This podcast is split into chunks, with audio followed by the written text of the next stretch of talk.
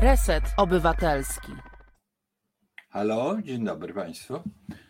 E, mamy dzisiaj rozmawiać o Niemczech, ale e, e, zapowiedziałem też, że w naszej rozmowie weźmie udział profesor Maćków, politolog, mój stary znajomy politolog z Regensburga, ale coś nam nie wychodzi technicznie, a tymczasem ja jeszcze poprzedzę to, co mamy mówić o Niemczech, poprzedzę mm, mm, kilka słowami y, o Białorusi. A mianowicie, no teraz y, z uwagi na Łukaszenkę, który poparł e, Putina i grozi też e, wysłaniem wojsk e, do Ukrainy, a także no, stamtąd lecą rakiety i tak dalej, no, traktuje się niekiedy Białorusinów w Polsce w taki sam sposób jak mm, jak Rosjan. I chcę powiedzieć, że e, to jest e, głęboko niesprawiedliwe. Ci Białorusini, którzy są w Polsce, to są do pewnego stopnia emigranci polityczni, znaczna ich część. Ci, którzy uciekli przed Łukaszenko i którzy brali udział w rewolucji w Białorusi. Ja jestem autorem takiej książki, bardzo proszę pogoni za wolnością, ona tylko w części jest nieaktualna. No oczywiście ta rewolucja, ta książka napisana była w trakcie tych e, ogromnych e, demonstracji e, w Białorusi. Jest też opisem historii Białorusi od samych początków, o ich świadomości historycznej i tak dalej. Mm, ta rewolucja, jak wiemy, no zakończyła się w tej fazie przegraną, ale przecież y, y, tam jest 6 tysięcy więźniów politycznych. To jest niemało, to znaczy, że to społeczeństwo się broni. Y, sytuacja w Białorusi jest taka, że Łukaszenko najpierw obiecywał mm, wysłanie tej armii do Ukrainy, ale się wycofał nie dlatego, że jest chciał się postawić Putinowi, ale po prostu, że w tej armii jest taki ferment, że oni się obawiali jakiegoś e, buntu, nie wiem, przejścia oddziałów na drugą stronę, a też jest tak, że e, Białoruscy, ochotnicy białoruscy walczą po stronie ukraińskiej. A więc, proszę Państwa, Białoruś, Białorusini to nie jest Łukaszenko. Proszę, uczmy się tego, co jest na wschodzie. Język białoruski to nie jest język rosyjski. Nawet jak ktoś mówi po rosyjsku, a jest Białorusinem, to jest zupełnie inny, taki miększy akcent. Tak samo jest zresztą, jak robi to, mm, jak mówi po rosyjsku Ukrainiec. Jeden i drugi, jakby pojechali do Moskwy, natychmiast by zostali rozpoznani jako nie Rosjanie proces, to co się zaczęło wraz z rewolucją białoruską e, w roku 20, to nie jest zakończone. Białorusini, tak samo jak Ukraińcy, pragną wolności. Na razie ich ruch jest zdławiony, ale jest to społeczeństwo, które jest wciąż wzburzone i terroryzowane przez Łukaszenkę. Traktujmy Białorusinów życzliwością. Mówmy im, że wiemy, że Białorusin to nie jest Łukaszenko. Łukaszenko nie jest Białorusinem, jest po prostu pachołkiem Putina, a Białorusini to jest społeczeństwo, które się dobija wolności, tak samo jak Ukraińcy. To naprawdę jest bardzo ważne, żeby nie traktować Białorusinów w tej sytuacji, jaka jest obecnie, tak samo jak Rosjan. E, e, I, i w tym punkcie chciałem zrobić kropkę. No więc dzisiaj była dosyć ważna debata e, w Bundestagu, a mianowicie przemawiał do Bundestagu mm, Zełęński. On mówi wprost i bardzo odważnie. Po pierwsze powiedział, że to, co się dzieje, to jest próba postawienia nowego muru w Europie. No, świetne, świetnie trafia w pewien punkt do mentalności niemieckiej. Oni wciąż ten mur w Berlinie mają w pamięci. No ale też bardzo wypełniał ostro, asertywnie Niemcom, że przez długi czas no, zachowywali się wobec, e, wobec Rosji, wobec Putina w taki sposób, że no, było to nie, niemal wspomaganie go. Też, też ważne, że to powiedział. No, parlament e, niemiecki, Bundestag, zareagował na to owacją na stojąco. To z, absolutna większość tego parlamentu, bo nawet Die Linke, które no, w jakiś sposób jest podkopane przez, przez e, Putina, oni w większości swojej, swojej większości opowiedzieli się za e, dalszymi sankcjami i tak dalej, między taką skrajną, no już można powiedzieć, e, putinówką, jaką jest pani Wagenknecht, a, a, a Gizim, które przez długi czas traktowano jako bardzo prorosyjskiego, ale jednak wybuchł spór. Gizi powiedział, że to, co się dzieje obecnie e, w Ukrainie, że to nie może być, e, wobec tego nie można być obojętnym i w tych dwóch działaczy e, tej partii Die Linke weszło ze sobą w dosyć ostrą polemikę. Ale większość parlamentu jest absolutna większość po stronie, po stronie Ukrainy za Y, sankcjami. I ten spór, jeżeli tam istnieje, polega na tym, że y, mm, stojąca w opozycji CDU y, atakuje obecną koalicję, koalicję, jaką się nazywa Ampel, czyli świateł drogowych, czyli FDP, socjaldemokratów i i, mm, y, i zielonych jako, mm, jako zbyt łagodną, że trzeba coś więcej.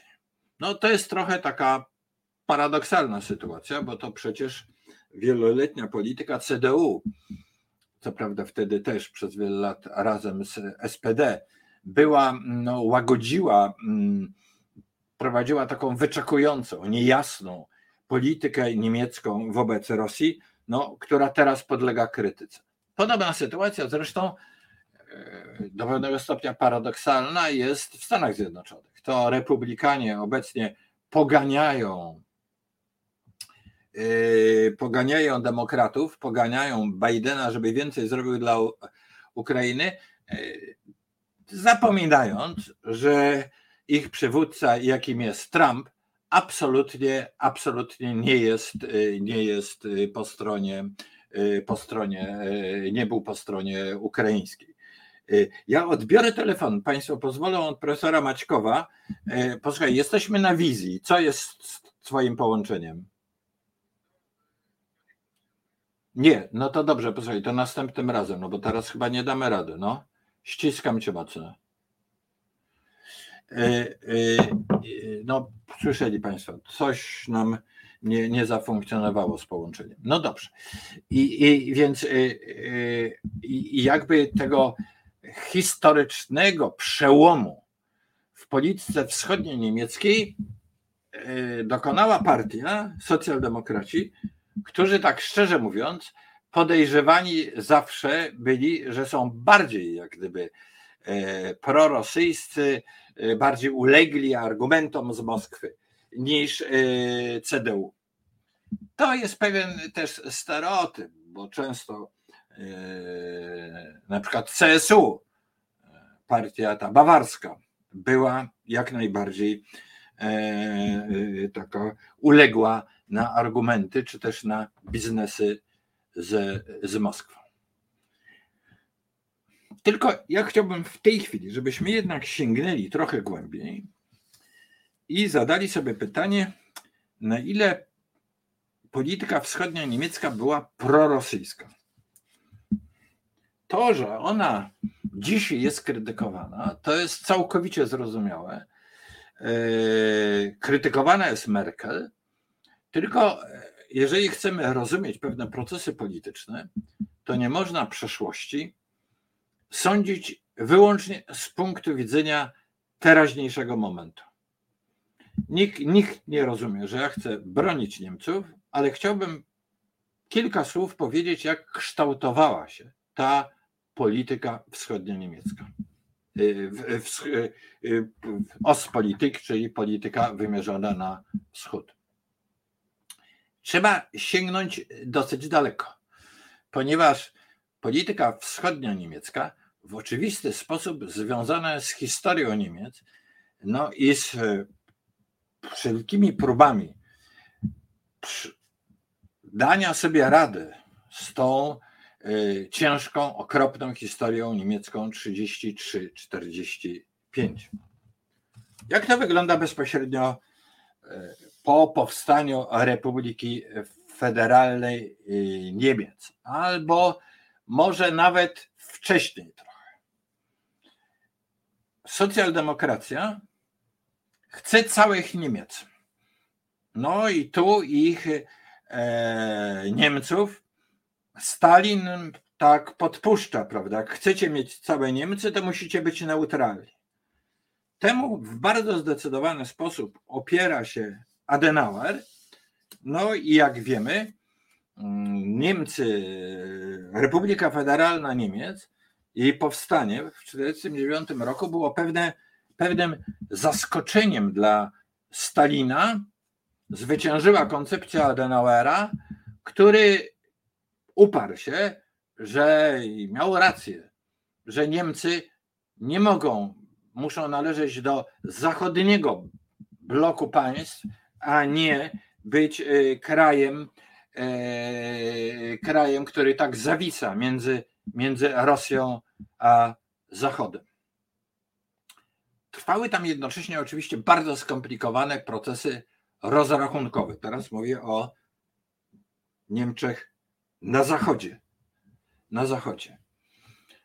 Ten, y, ta koncepcja teraz, że Niemcy są na zachodzie, jednocześnie była związana z czymś, co nam się może, z jednej strony nam się oczywiście podoba, też z punktu widzenia oceny dalszego, dalszej oceny wypadków historycznych, ale też był jeden punkt, który nam się może bardzo nie podobać. A mianowicie była związana z nieuznawaniem zachodniej granicy Polski.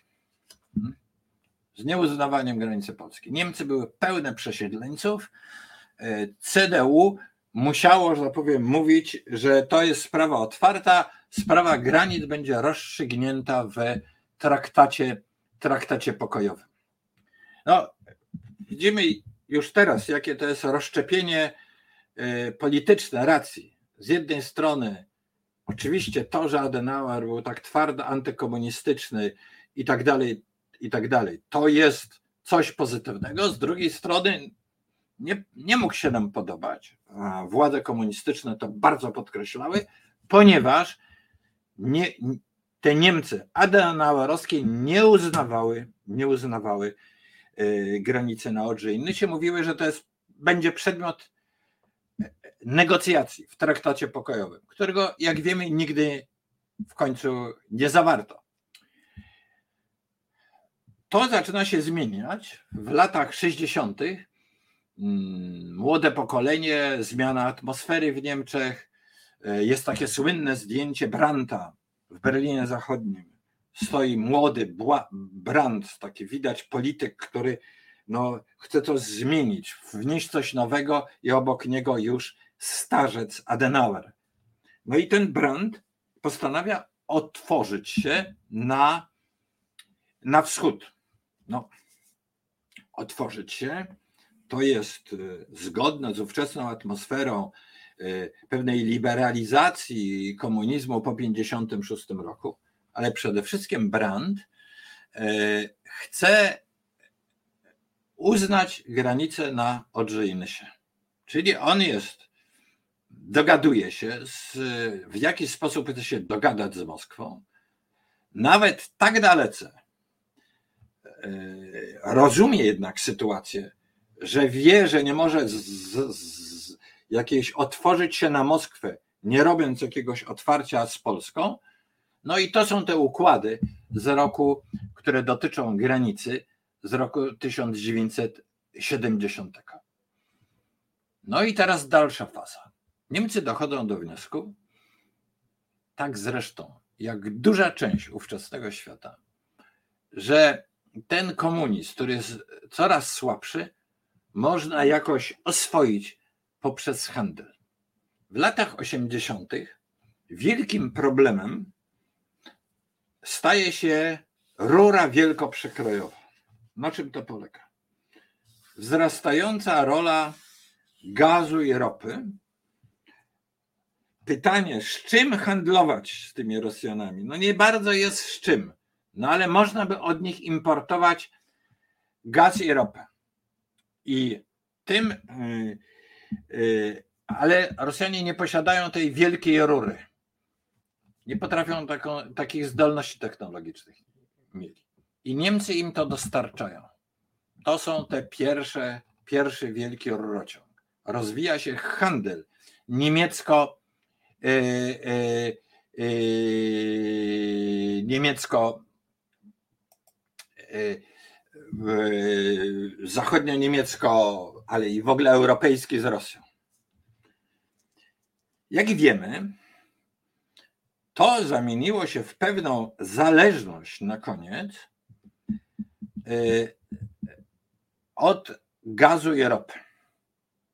To jednak musimy zadać sobie pytanie, czy ta koncepcja była całkiem błędna. No jednak Rosja przegrała wojnę, mm, zimną wojnę. Te stosunki handlowe Rosji z Zachodem odegrały pewną rolę, w tym Niemcy odegrały pewną rolę. Z dzisiejszego punktu widzenia moglibyśmy powiedzieć fatalne. E, no przecież Niemcy, Europa uczyniła się zależną w jakimś stopniu od ropy i gazu. Argumentacja niemiecka wtedy, już trochę później w latach 90., kiedy ja odwiedzałem Niemcy, E, i w końcu lat 80. była taka, nawet jeżeli czyni nas to nieco zależnym, to tak samo czyni ich zależnym, bo im szalenie zależy przecież na, e, na dewizach, tylko od nas otrzymują to.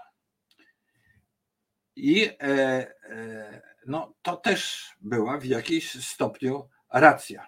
Jeżeli patrzymy na, jeżeli patrzymy na również dzisiejszą sytuację, zwróćmy uwagę, że mm, y, y, ogromna część, kilka, niemal połowa budżetu, y, budżetu rosyjskiego, państwa rosyjskiego, pochodzi właśnie ze sprzedaży ropy i gazu. Oni mogą szantażować tym, że to zamkną, ale Zachód szantażuje tym, że może tego nie kupować. No, złapał Tatar, e, e, szlachcic Tatarzyna, tak? Jest takie powiedzenie, a Tatarzyn za łeb trzyma. To jest pewna współzależność. No i teraz, czy mm, e, ta koncepcja, którą stworzyli socjaldemokraci, żeby jak gdyby wiązać Rosję, prawda? Ale później kontynuowali to Hadecy, czyli Kol,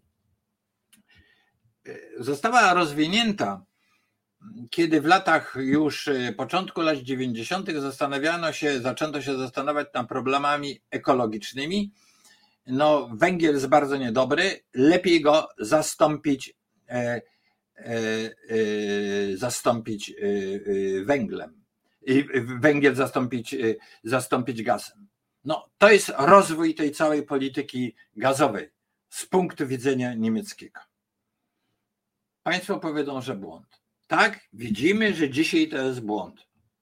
Ale bądźmy podejrzliwi troszeczkę. Błąd jest. No ale co by było, gdyby Rosja teraz nie sprzedawała tak dużo ropy i gazu? Być może nie miałaby tylu pieniędzy, e, za które Putin po roku 2000 przy dużych cenach ropy i gazu zafundował e, Rosji, a przede wszystkim Petersburgowi i Moskwie dobrobyt,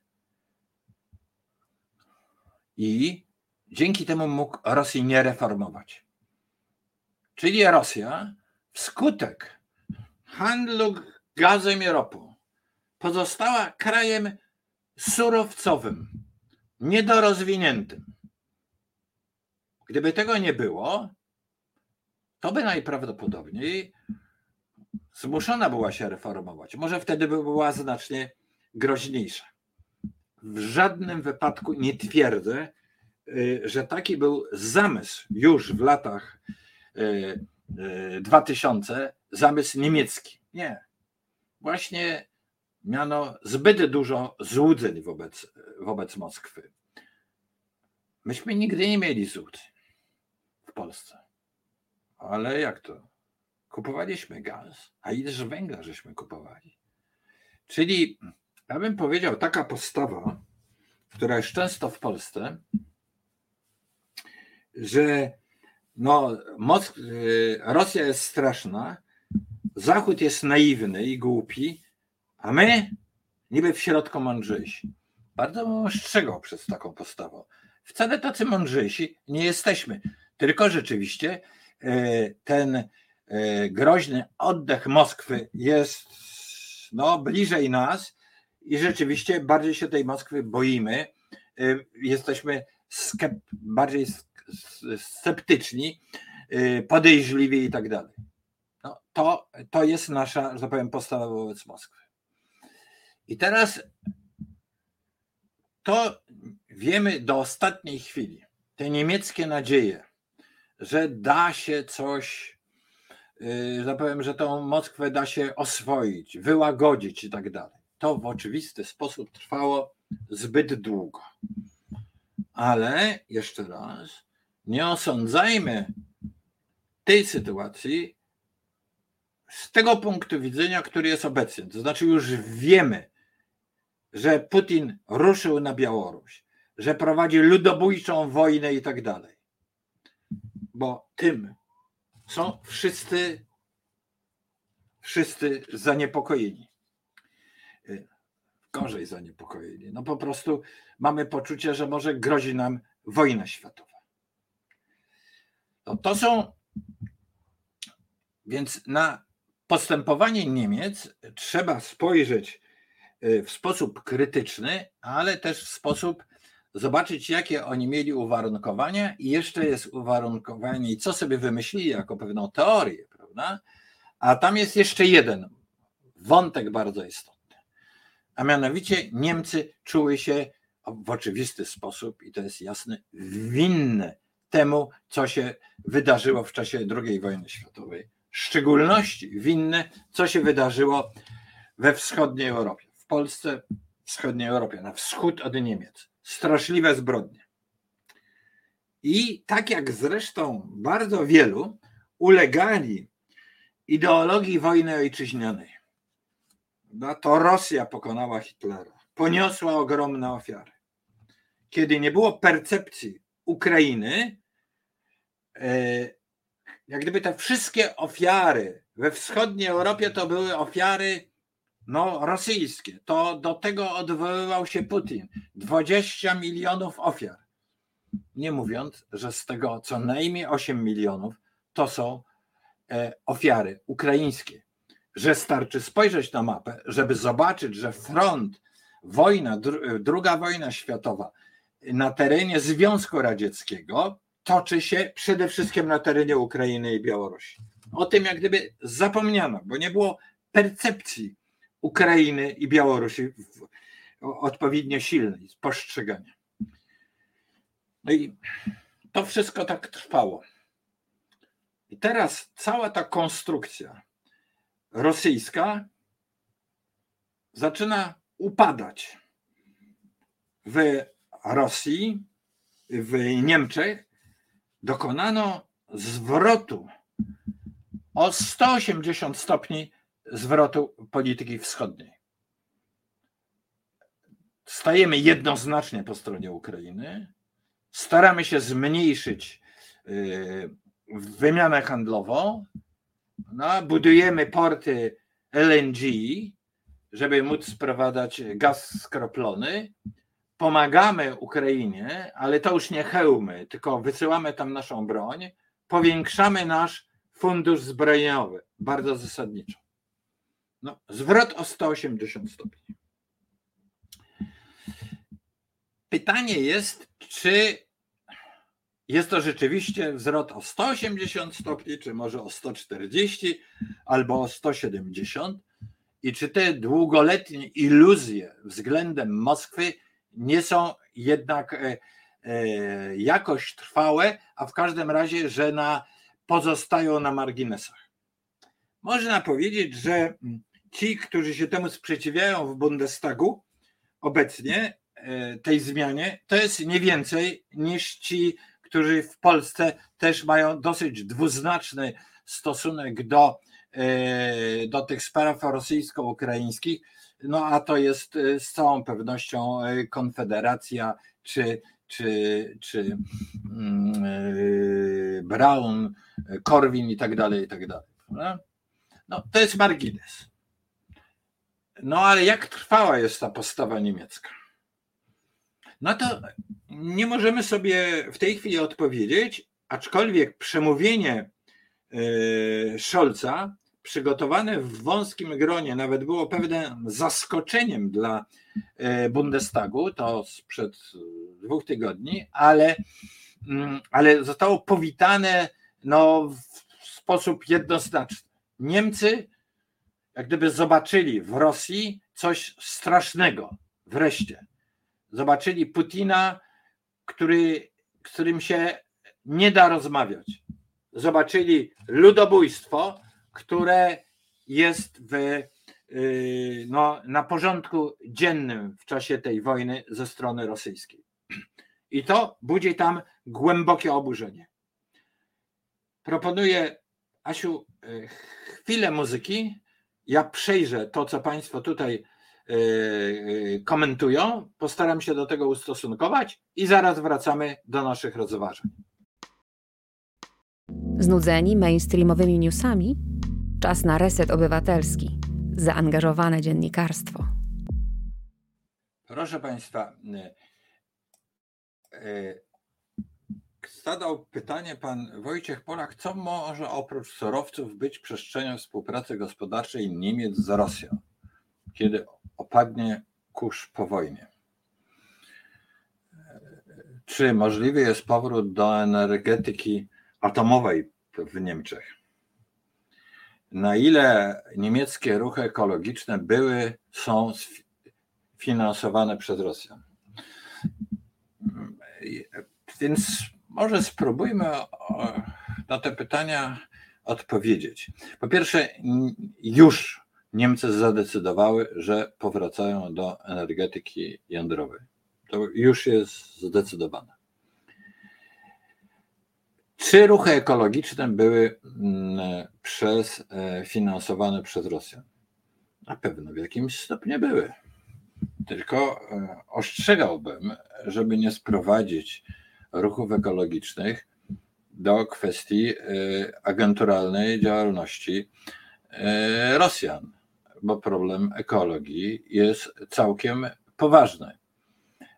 Niemcy ułożyli sobie program, byli do pewnego stopnia pionierami, ale przecież ekologią i, mm, i możliwością jakichś bardzo poważnych zaburzeń związanych ze środowiskiem. E, no to nie jest tylko specjalność e, niemiecka, to jest bardzo wielu wybitnych uczonych z całego świata i tak dalej. Wiemy, że ta sytuacja jest nadal groźna. Niektórzy uważają, że alarmująca. A Rosjanie, no tam, gdzie mogą, to się wszędzie wtrącają. E, I wtrącają się w taki sposób, żeby, że tak powiem, pasożytniczo e, zajmować się najrozmaitszymi e, problemami. Więc i zwracam uwagę, że ci niemieccy zieloni, a więc ci, którzy zwracają szczególną uwagę na sprawę ekologii, oni są zawsze, zawsze byli najbardziej antyrosyjscy, bardziej niż CDU. popierali Solidarność, popierali opozycję demokratyczną w Polsce i dzisiaj są pierwsi za tym, żeby e, e, piętnować Rosję. No więc to wszystko jest bardzo skomplikowane. E, to jest bardzo wszystko skomplikowane. Więc i zwróćmy uwagę też na coś, co, co się dzieje. Jeśli Niemcy będą łożyć znacznie więcej na zbrojenia, raz. Jeżeli będą silniej proatlantyckie, chociaż zawsze były proatlantyckie, ale będą silniej, bardziej zdecydowanie, będą się starały o dobre stosunki z, e, z Waszyngtonem, to oś Waszyngton-Berlin no, będzie najistotniejsza dla w ogóle całej tej konstrukcji Zachodu. No, powiem twardo, nasze bezpieczeństwo będzie też zależało od postawy Niemiec. I zresztą w tym przemówieniu Scholza było powiedziane coś bardzo istotnego. Po to my, Niemcy, łożymy na zbrojenia, żeby bronić całego obszaru Unii Europejskiej. Dlaczego takie stwierdzenie? No bo oczywiście Niemcy się obawiają, że jeżeli będą się zbroić, to nagle ktoś powie: nie dość, że chcecie tutaj gospodarczo dom, dominować, to jeszcze militarnie i tak dalej. No. Niemcy mają położenie w środku Europy. Jest takie mm, no, stwierdzenie, którego uczy się każdy dyplomata niemiecki, każdy, kto się zajmuje niemiecką polityką zagraniczną, Niemcy są za, du- za małe, żeby panować nad Europą, ale za duże, żeby nie powodować niepokojów wśród swoich sąsiadów. Tak. No i tą równowagę ma utrzymać Unia Europejska. No więc Niemcy zbrojąc się mówią nie, ale my chcemy bronić całej Unii Europejskiej. A jak bronić całej Unii Europejskiej, czyli też Łotwy, Estonii i tak dalej, no to e, co się, to również Polski. No a polska armia jaka jest? Jaki jest polski fundusz zbrojeniowy, nawet jak go powiększymy? Wielokrotnie, wielokrotnie mniejszy od, od e, pieniędzy, które będą łożyć Niemcy na zbrojeniach. No, no czyli ta Bundeswehra będzie dosyć istotnym czynnikiem również naszego y, y, y, naszego bezpieczeństwa. No to mówię to w pewnym kontekście, mianowicie jak wiemy rządy PiS są w, zarówno na takiej wojence o koncepcję państwa praworządnego z Brukselą, a też również na no nie najlepszej stopie e, e, z, z Berlinem. Czy to jest mądre z punktu e, polskiego bezpieczeństwa? No tutaj Szaman 035 wspomina o koncepcji czwartej Rzeszy szykowanej przez Niemców. No to przypominam chyba Kaczyński mówił o czwartej Rzeszy większej, większej bzdury nie można oczywiście powiedzieć. E, e, Kaczyński jest kompletnym amatorem, jeśli chodzi o politykę e, zagraniczną i mówienie najpoważniejszemu obok Ameryki, polskiemu sojusznikowi, że ma być czwartą Rzeszą, czyli wspominanie najgorszych czasów no, przez, przez skojarzenie z trzecią Rzeszą, no jest chyba czymś kompletnie karygodnym te Niemcy, które zmieniają 180 stopni swoją politykę wschodnią, stają się właśnie przez to gwarantem bezpieczeństwa europejskiego w znacznie większym stopniu niż przedtem.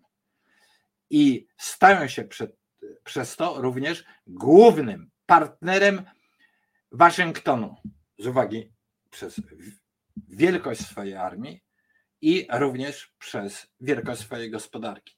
Zawsze tak było, zawsze tak było. Ale teraz ta zmiana polityki wschodniej niemieckiej czyni Niemcy tym bardziej tym gwarantem i partnerem, partnerem Ameryki. No, to należy wziąć pod uwagę. Teraz takie pytanie: co się w Niemczech zmieniło?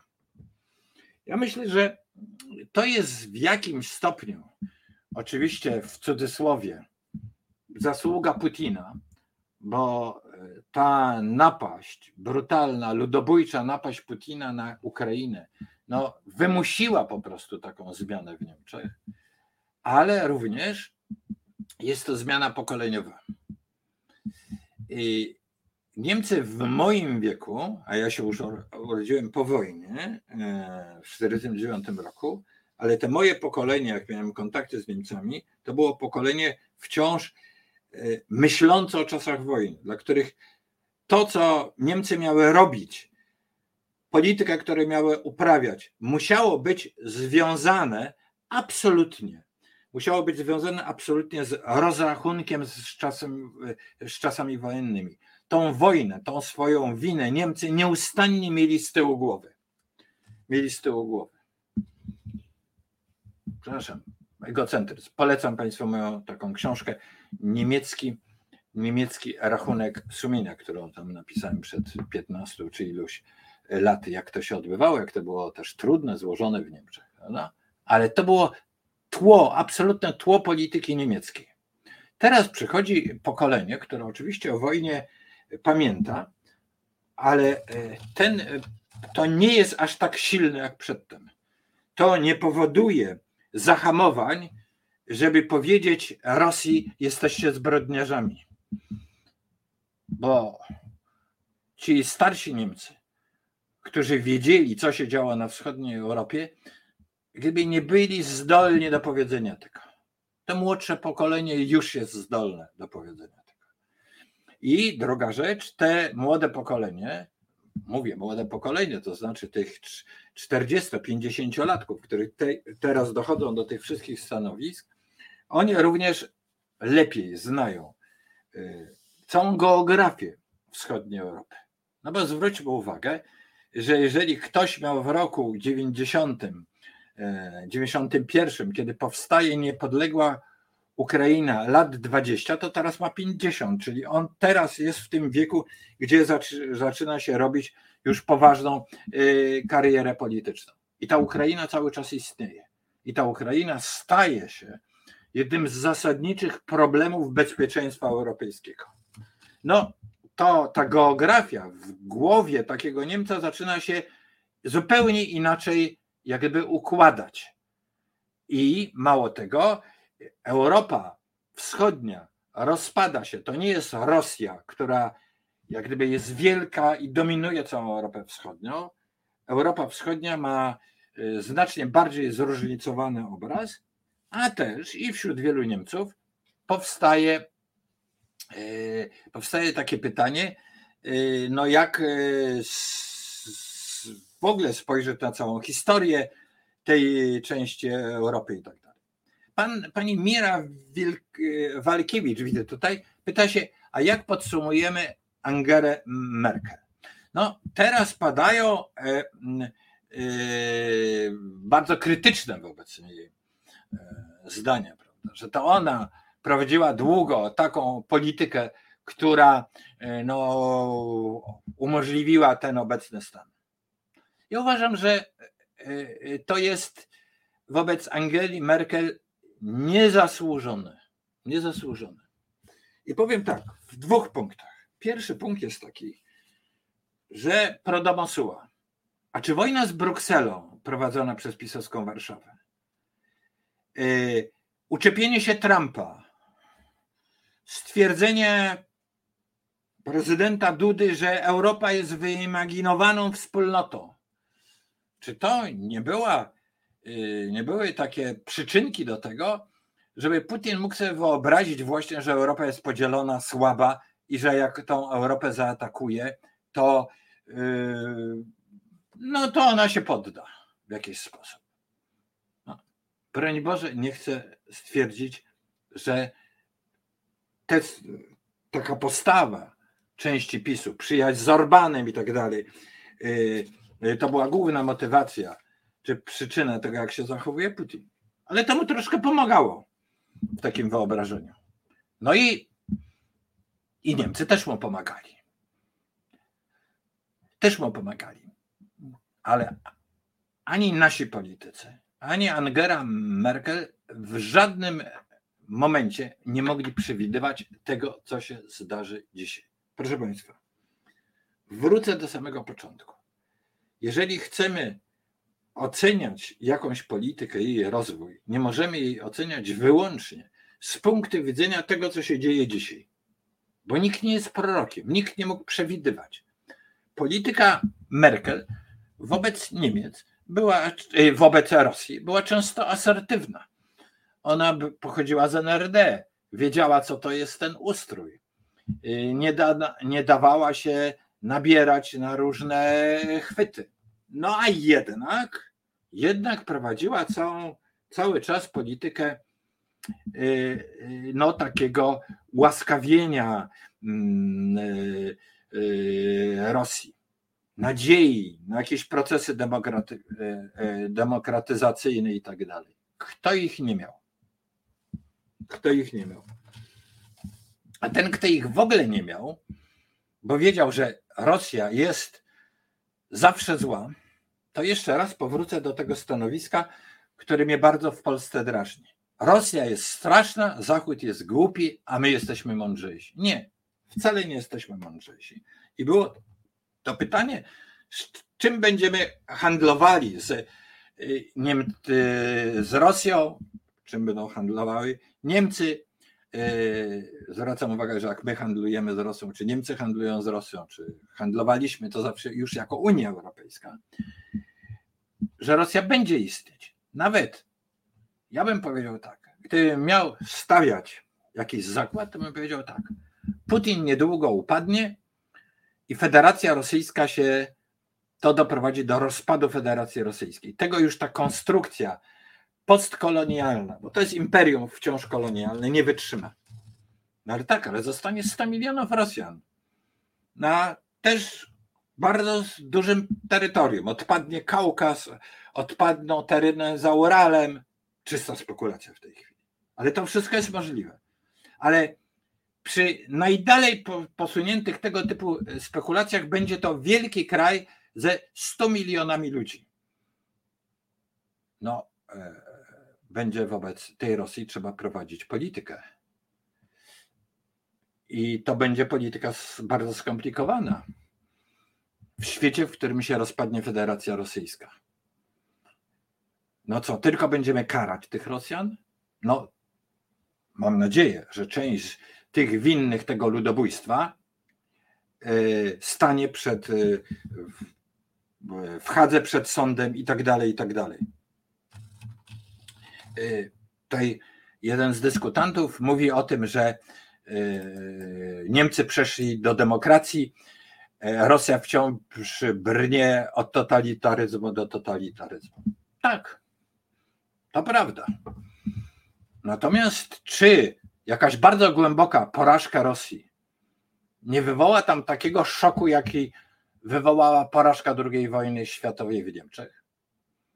Czy my nie powinniśmy też myśleć, jaka może być polityka wobec przyszłej Rosji? Na to jest teraz, powiem Państwu, za wcześnie. Teraz Rosję trzeba rzeczywiście oskarżać o to, co tam jest robione. Trzeba oskarżać społeczeństwo rosyjskie, które nie wiemy, czy w takiej większości, jak wykazują te badania, no bo to są media i tak dalej, ale wciąż nie buntuje się, na pewno w sposób dostateczny, nie protestuje przeciwko temu, co robi Putin.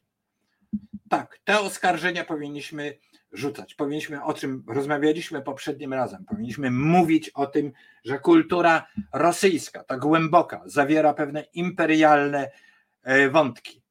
Powinniśmy na Rosję bardzo krytycznie spoglądać. Tym niemniej e, powinniśmy też wiedzieć, że polityka jest rzeczą bardzo skomplikowaną. I tak jak nie możemy całej polityki wobec Rosji niemieckiej w tej chwili, wracam do głównego tematu, oceniać wyłącznie jako naiwność, tylko powinniśmy rozumieć jej motywy. Nawet jeżeli jesteśmy krytyczni, tak samo powinniśmy wiedzieć, że Rosja oby doznała klęski, oby ci wszyscy bandyci gangsterzy, tacy jak Putin i oligarchowie, stanęli przed sądem w Hadze. To by było najlepiej dla świata. Tym niemniej Rosja pozostanie. I teraz, jak się odnieść do tej pokonanej Rosji, będzie wielkim problemem Europy. Bardzo trudnym. Bardzo trudnym. Nie ma we mnie żadnej takiej tendencji, żeby coś wybaczać i tak dalej. Tylko, że problem nie zniknie. I nad tym trzeba się zastanawiać. No i czy już teraz? No, może przedwczesna spekulacja, bo teraz trzeba przede wszystkim pomagać e, Ukraińcom. Zastanawiać się nad tym, jaka ta Ukraina jest, i wrócę do tego wątku, który, od którego zacząłem, nie wrzucać Białorusi do jednego worka z Rosją, a tym bardziej traktować Białorusinów tak samo, jak traktuje się w Polsce e, Rosjan. Zrozumiała, negatywna reakcja. Rosjanie pewno są różni i tak dalej, ale zrozumiała emocjonalnie reakcja. Pytanie, jaki jest Twój stosunek do Putina? Jeżeli wyraźnie nie odpowiadasz, to jest coś skandalicznego. Ale to nie jest przypadek Białorusinów. Jeszcze raz, Białorusini to są ci, którzy uciekli, duża część z nich uciekli przed Łukaszenką do Polski. Jeżeli patrzymy, Niemcy zmienili swój stosunek do Europy Wschodniej, swoją politykę wschodnią, czy się dostatecznie dużo nauczyli, to jeszcze, e, jeszcze trzeba zaczekać. Ale my się też uczmy i uczmy się, że, że Europa Wschodnia to nie jest tylko Rosja i nie jest tylko Ukraina, ale to też jest Białoruś i to też jest Kaukaz i to też w samej Rosji są różne etnie, narody, które są przez Rosjan skolonizowane. Jednym ze zjawisk, na które się w tej chwili zwraca uwagę, to że ci żołnierze poborowi, którzy giną w, w tej wojnie z Ukrainą, to są mięso armatnie brane z tych nierosyjskich, nierosyjskich republik. A więc widzimy, że e, na Rosję patrząc, no to straszne oczywiście, tym gorzej świadczy to, e, to o Rosji, że używa innych do, do tej brudnej wojny. Tym niemniej widzimy, jak w złożony sposób trzeba patrzeć na, tą, e, na tamtą sytuację. No, gdyby taki jeniec znalazł się w naszych rękach, trzeba by go zapytać, skąd on jest, w jakim języku mówi w domu. To niech nam wszystkim da wyobrażenie, że ten przełom w polityce niemieckiej, w polityce wschodniej jest jednocześnie bardzo głębokim przełomem w polityce światowej, jakąś historyczną cenzurą. I trzeba bardzo się dużo uczyć też żeby reagować prawidłowo. A teraz ruszajmy do tego, żeby pomagać Ukraińcom tak każdy jak może, jak najwięcej. Sława Ukrainie. Dziękuję Państwu bardzo.